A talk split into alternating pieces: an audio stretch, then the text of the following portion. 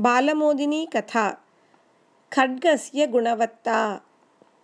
अङ्गदः अङ्गारदेशस्य राजा। तस्य पुत्रः अक्षयकुमारः। जीमूतः राज्ञः प्रधानमन्त्री युवराजस्य अध्यापनाय कदाचित् जीमूतेन उभौ चितौ भानुमित्रः गर्गः चेति भानुमित्रः सुन्दरः सम्भाषणचतुरः उत्कृष्टवस्त्रधारी च। किन्तु गर्गः तु सामान्यः वेशभूषादिषु अनासक्तः मितभाषी च। अतः एव राज्ञै गायत्र्यै गर्गः न अरोचत। सा अचिन्तयत् एतादृशः जनः कथं वा उत्तमः आचार्यः भवेत् इति।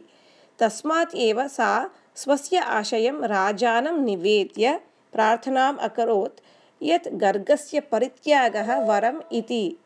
किन्तु आचार्ययोः चयनं प्रधानमन्त्रिणा जीमूतेन कृतम् आसीत् इत्यतः तत्र हस्तक्षेपं न ऐच्छत् राजा। तथापि सः गर्गविषये राज्ञ्याः असन्तोषं तु जीमूतम् उक्तवान् सर्वं श्रुत्वा अपि जीमूतः प्रतिवचनं किमपि न उक्तवान्।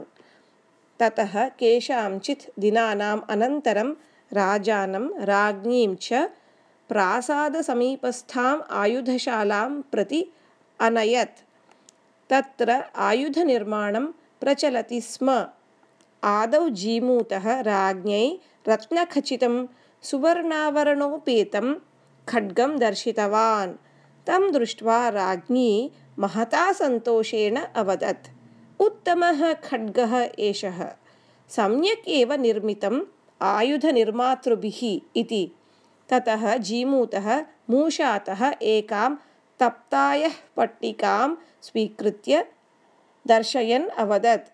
महाराज्ञी एषा अयः पट्टिका न रमणीया किन्तु रमणीयः खड्गः तु इतः एव निर्मीयते।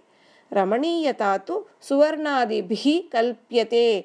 वस्तुतः खड्गस्य तीक्ष्णता तु अयसः गुणवत्तातः निर्मातुः कौशलतः च सिद्ध्यति।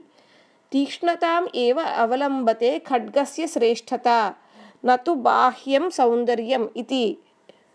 एतस्मात् राज्ञी अवगतवती यत् बाह्यदर्शनमात्रेण कस्यापि श्रेष्ठता न परिमातव्या इति।